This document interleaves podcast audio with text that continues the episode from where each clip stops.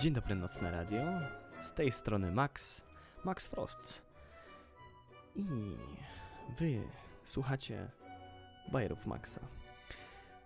Jako, że już mamy trzeci odcinek czytania dla was, kochani, autobiografii pięknego człowieka. Chociaż, czy był piękny?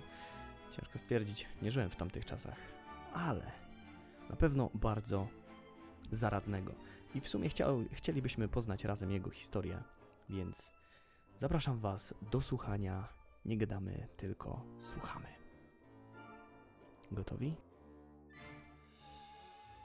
Jednakowoż zachęcony tymi wydarzeniami, napisałem i przekazałem w ten sam sposób kolejne artykuły, które także zostały dobrze przyjęte. Mój sekret utrzymywałem aż do czasu wyczerpania się zapasu moich pomysłów na taką działalność. Następnie odkryłem go. Zyskałem wtedy trochę pozycji w oczach przyjaciół mojego brata, w sposób, który nie spodobał się bratu, gdyż uważał on, do czego pewnie miał podstawy, że może to wywołać u mnie zbyt dużą próżność. Być może od tego zaczęły się między nami pewne nieporozumienia. Mój brat w dalszym ciągu uważał się za mojego nauczyciela, a mnie za ucznia i zgodnie z tym wymagał ode mnie wykonywania pewnych prac, tak jak od innych czeladników, podczas gdy ja uważałem, że żąda on ode mnie zbyt wiele, a jako brat powinien być dla mnie bardziej wyrozumiały. Nasze spory często kończyły się rozstrzygnięciami przed obliczem naszego ojca. Przypuszczalnie albo częściej miałem rację, albo lepiej umiałem uargumentować swoje racje, bo większość wyroków była po mojej myśli. Jednak mój brat był bardzo porywczy i często bił mnie, co znosiłem bardzo źle i uważałem, że moja nauka zawodu jest bardzo nużąca. Ciągle rozglądałem się za jakąś okazją do jej skrócenia, która pojawiła się w końcu w bardzo niespodziewany sposób. Jeden z artykułów w naszej gazecie na jakiś polityczny temat, nie pamiętam już jaki, został uznany za obraźliwy dla zgromadzenia. Mój brat z rozkazu przewodniczącego zgromadzenia został zatrzymany i skazany na miesiąc więzienia. Przypuszczam, że nie chciał on ujawnić autora artykułu. Ja także zostałem doprowadzony przed oblicze zgromadzenia i składałem przed nimi zeznania. Nie udzieliłem im żadnej zadowalającej ich odpowiedzi, przyznali mi za to tylko naganę, uważając prawdopodobnie, że jako uczeń powinienem dochować sekretów mojego mistrza. Podczas uwięzienia mojego brata, co pomimo naszych poróżnień, bardzo dotkliwie odczuwałem. To ja zarządzałem gazetą. Pozwoliłem wydrukować w gazecie kilka docinków doty dotyczących naszej władzy, co mój brat przyjął bardzo dobrze, a inne zaczęli postrzegać mnie jako młodą, zdolną osobę, która jednak zaniżyła się do satyry i oszczerstwa. Zwolnieniu mojego brata towarzyszył również rozkaz zgromadzenia, dość dziwny, mówiący James Franklin nie ma prawa wydawać gazecie o nazwie New England Courant. W naszej drukarni odbyły się konsultacje z przyjaciółmi nad tym, co powinniśmy teraz zrobić.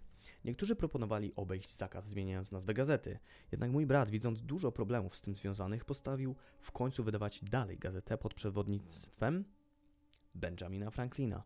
Żeby uniknąć zarzutów zgromadzenia, że James drukuje dalej gazetę pod nazwiskiem swojego ucznia, umowa czeladnicza została mi zwrócona z całkowitym zwolnieniem mnie z niej, tak, aby można było to, w razie potrzeby, pokazać zgromadzeniu. Abym dalej mógł pracować z bratem, podpisać miałem nową umowę na pozostały okres, która to miała umowa pozostać tajna. Nie był to najlepszy plan, jednak został natychmiast wykonany i gazeta przez wiele miesięcy ukazywała się pod moim nazwiskiem. W końcu jednak między mną a moim bratem pojawiało się coraz więcej rozdźwięków. Wtedy postanowiłem zapewnić sobie wolność. Zakładając, że mój brat nie odważy się wyciągnąć naszej nowej umowy. Użycie tej przewagi nie było zbyt uczciwe z mojej strony. Uważam to za jeden z pierwszych błędów w moim życiu. Jednak zbytnio mi on nie ciążył, gdyż pamiętam jeszcze razy, które porywczość mojego brata często mi zadawała. Chociaż nie był on złym człowiekiem, być może to ja byłem zbyt zuchwały i prowokujący. Kiedy ostatecznie przekonał się, że go opuszczę, zatroszczył się o to, abym nie dostał pracy w innych drukarniach w mieście. Odwiedził je wszystkie i załatwił z majstrami, aby żaden z nich nie chciał mnie przyjąć. Pomyślałem wtedy o Nowym Jorku. Tam była najbliższa drukarnia. Skłaniałem się również do wyjazdu do Bostonu, gdyż uświadomiłem sobie, że zadarłem z partią rządzącą i sądząc po przebiegu sprawy mojego brata ze zgromadzeniem, ja także mógłbym łatwo znaleźć się w opałach. Co więcej, moje otwarte dyskusje o religii zaczęły prowadzić do postrzegania mnie przez pobożnych ludzi jako niewierzącego i ateistę. Byłem niewzruszony w swym postanowieniu. Mój ojciec stanął tym razem po stronie mojego brata i spodziewałem się, że jeśli spróbuję wyjechać, oficjalnie będzie mnie chciał powstrzymać. Pomógł mi mój przyjaciel, Collins. Załatwił on z kapitanem niedużego statku pływającego do Nowego Jorku moją podróż, mówiąc mu, że załatwia wyjazd dla swojego znajomego, który ma przy przyjaciółkę z dzieckiem, której to przyjaciele zmuszają go do małżeństwa, więc przyjaciel ten nie może pokazywać się ani wyjechać inaczej niż w tajemnicy. Sprzedałem więc swoje książki, aby zebrać trochę pieniędzy. W tajemnicy wsiadłem na statek i dzięki przyjaznym wiatrom po trzech dniach znalazłem się w Nowym Jorku. 300 mil od domu, mając 17 lat, bez żadnych rekomendacji, bez znajomości nikogo w tym mieście i z bardzo małą sumą pieniędzy w kieszeni. Moje morskie ciągoty musiały już w tym czasie znacznie osłabnąć, bo inaczej postarałbym się je wtedy zaspokoić. Jednak mając zawód i uważając się za dobrego pracownika, zaoferowałem swoją osobę miejscowemu drukarzowi.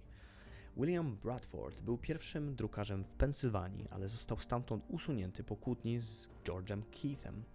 Nie mógł on mi zaoferować zatrudnienia, gdyż było u niego to zbyt mało pracy i wystarczająco dużo osób do pomocy. Ale powiedział mi, Mój syn w Filadelfii stracił ostatnio z powodu śmierci swojego pomocnika, Aquila Rosa. Jeśli się tam udasz, to pewnie cię zatrudni. Filadelfia była kolejne 100 mil dalej. Wyruszyłem jednak statkiem płynącym do Amboy, zostawiając swój kufer i rzeczy, które miano mi dosłać później. W czasie pokonywania zatoki trafiliśmy na burzę, która zniszczyła nasze przegniłe żagle i uniemożliwiała wypłynięcie na kanał Kill Van Cool, wyrzucając nas na brzeg Long Island. W czasie naszej wyprawy pijany Holender wypadł za burtę, jednak gdy, gdy tonął, udało mi się go chwycić pod wodą za głowę, przytrzymać go tak, że mogliśmy wyciągnąć go z powrotem na pokład. Pobyt w wodzie trochę go otrzeźwił i poszedł się przespać, wyjmując jednak wcześniej z kieszeni książkę, którą postanowiłem dla niego wysuszyć. Okazała się to być książka mojego starego, ulubionego autora. Wędrówka pielgrzyma Baniana. Po holendersku, pięknie wydrukowana na porządnym papierze z ozdobnymi ilustracjami, ładniejsza niż jakiekolwiek oryginalne wydanie angielskie. Później dowiedziałem się, że dzieło to zostało przetłumaczone na większość europejskich języków. Wydaje mi się, że było chętniej czytane niż jakakolwiek inna książka z wyjątkiem Biblii. Zacny John był pierwszym autorem, którego poznałem, mieszającym narrację z dialogami. Ta metoda pisania bardzo wciąga czytelnika, który w najbardziej interesujących miejscach znajduje się w towarzystwie bohaterów i przysłuje się ich rozmowom. Daniel Defoe w swoim Robinsonie Crusoe, Moll Flanders, Religious Courtship, Family Instructor i innych swoich dziełach z dużym sukcesem zastosował tę metodę. Samuel Richardson w swojej noweli Pamela uczynił tak samo. Gdy znaleźliśmy się blisko wyspy, zobaczyliśmy, że nie ma tam miejsca na przybicie do brzegu, bo wszędzie wielkie fale uderzały w kamienisty brzeg. Rzuciliśmy więc kotwicę po przypłynięciu w stronę brzegu. Jacyś ludzie podeszli do morskiego brzegu i coś do nas krzyczeli. A my krzyczeliśmy do nich. Jednak wiatr był tak silny, a fale tak hałasowały, że nie mogliśmy się porozumieć. Na brzegu znajdowały się łodzie. Dawaliśmy im znaki i krzyczeliśmy, aby nam pomogli. Jednak albo nas nie zrozumieli, albo uznali, że nie dadzą rady, więc odeszli. Nadeszła noc, więc nie mieliśmy innego wyjścia, jak tylko oczekiwać na ustanie wiatru. Razem z Bosmanem postanowiliśmy, że trzeba spróbować zasnąć, jeśli tylko się nam uda. Stłoczyliśmy się więc wciąż z mokrym Holendrem na dnie szalupy, a rozbryzgi z morskich fal moczyły nas tak, że wkrótce byliśmy tak samo mokrzy jak on. W ten sposób leżeliśmy w szalupie całą noc praktycznie nie odpoczywając. Jednak następnego dnia wiatr osłabł i ruszyliśmy, aby dopłynąć do Amboy przed nocą. Byliśmy już na morzu 30 godzin, bez jedzenia i picia, z wyjątkiem jednej butelki plugawego rumu. Woda, po której żeglowaliśmy, niestety była słona.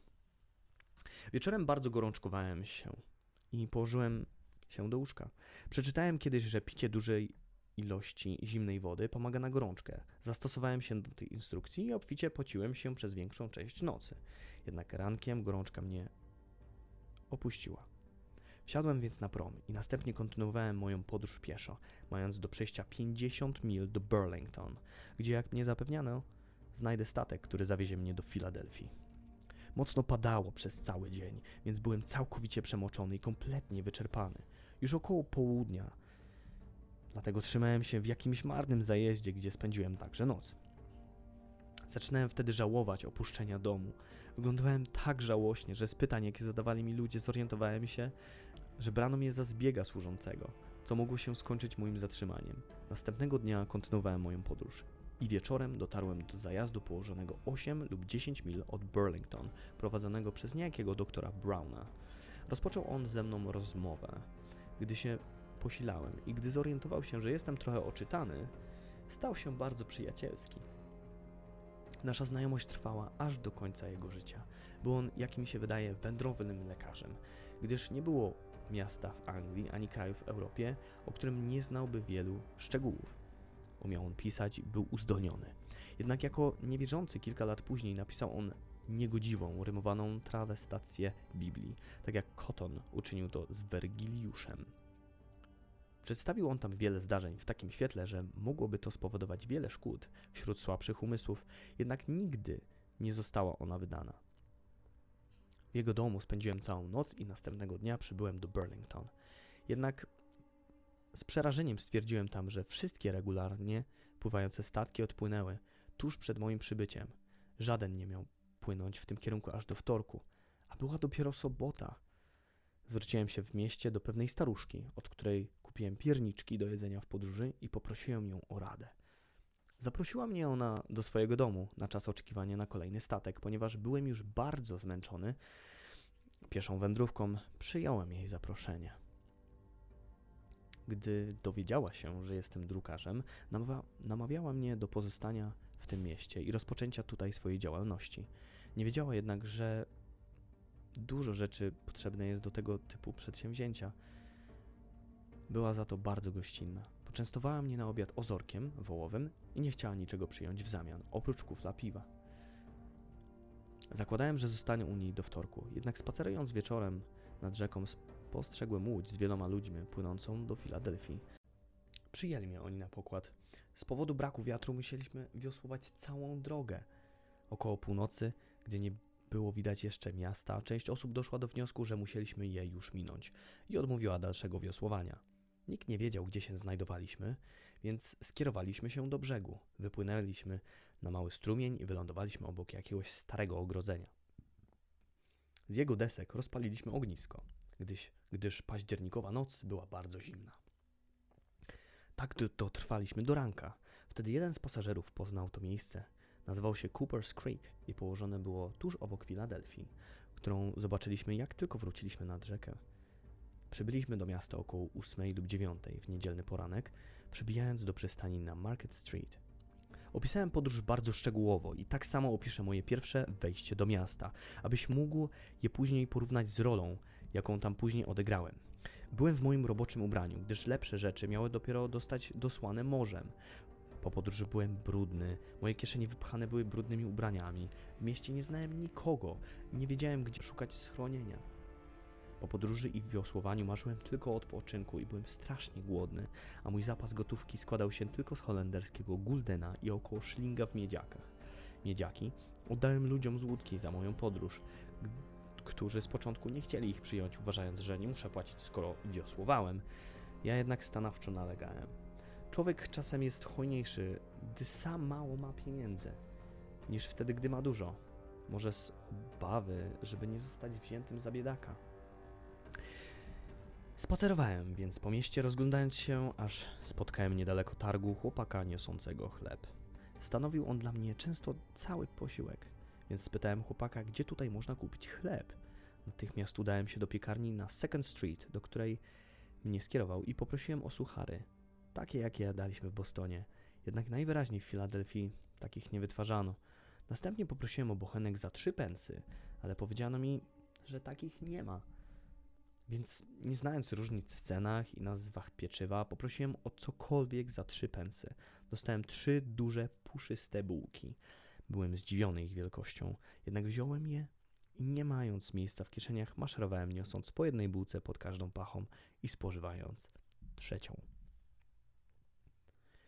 Podszedłem z Market Street aż na Fourth Street, mijając po drodze drzwi pana Reeda, ojca mojej przyszłej żony.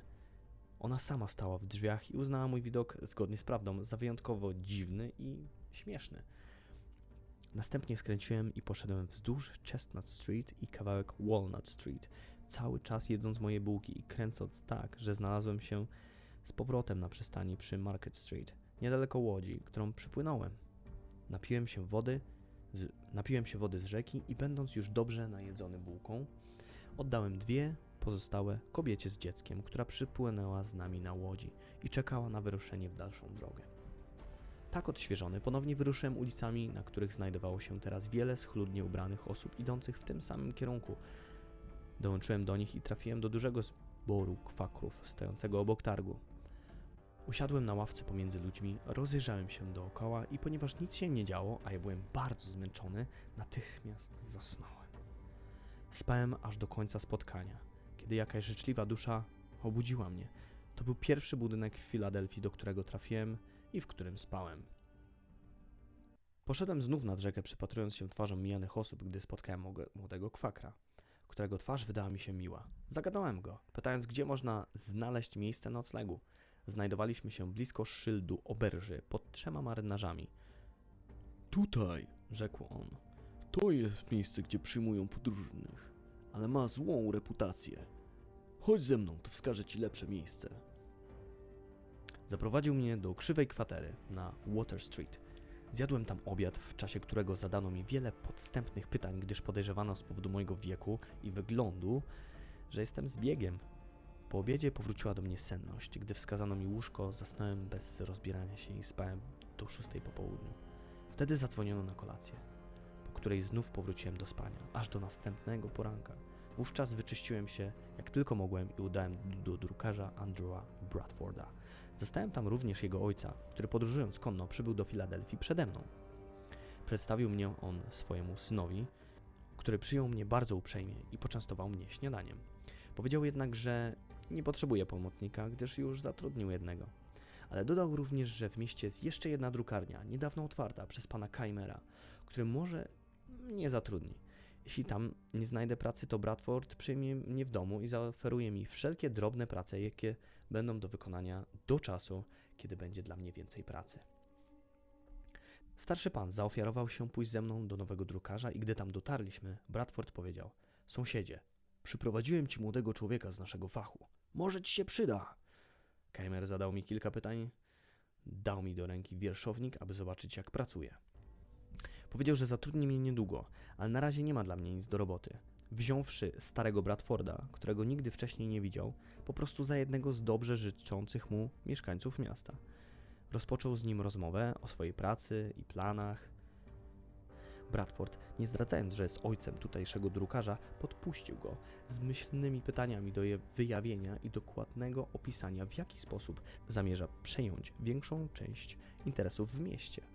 Przysłuchując się temu, szybko zorientowałem się, że jeden z nich jest przebiegłym, doświadczonym spryciarzem, a drugi niewprawnym nowicjuszem. Bradford zostawił mnie z Kaimerem, który był bardzo zaskoczony, gdy wyjaśniłem mu, kim był jego rozmówca. No, moi drodzy, to jest na razie tyle, jeżeli chodzi o ten odcinek. Mam nadzieję, że Wam się podobało. Mi się bardzo podoba, natomiast wiem, że nie mogę dłużej czytać niż jakieś 20 minut. I, te, I to Wam też polecam, właśnie słuchać e, moich podcastów takich 20-30 minutowych, albo sami najlepiej trochę poczytajcie w wolnym czasie. Wiadomo, że naszą uwagę no, nie jest łatwo podtrzymać przez 20-30 minut. Jesteśmy na stronie 29 książki Autobiografia Benjamina Franklina. Ja Wam dziękuję za słuchanie i oglądanie. I co? Do następnego razu. Korzystając z okazji, chciałem jeszcze podziękować za komentarze pod e, zeszłą audycją, czyli częścią drugą autobiografii Benjamina Franklina. Cieszę się, że w ogóle ta forma Wam się podoba. Ja lubię eksperymentować i to jest jeden z moich eksperymentów. Wrzuciłem już e, poprawioną wersję, więc jeżeli jeszcze tego nie słuchaliście, to koniecznie przesłuchajcie drugą część, bo nie puszczę Was do słuchania tej części bez czytania części drugiej. Jeżeli jesteś jeszcze zainteresowany inną moją twórczością, no to na przykład zapraszam na YouTube'a Max Frost. Tam są też e, odcinki moich podcastów, które są niepublikowane tutaj w Twojej apce podcastowej albo na Spotify. E, oraz na Facebooka. Walnij dla mnie lajkiem. E, będę wiedział, że mnie słuchasz, więc będzie miło mi wiedzieć, że po drugiej stronie słuchawki też jest jakaś osoba. Także dzięki jeszcze raz za słuchanie i słyszymy się w przyszłym tygodniu.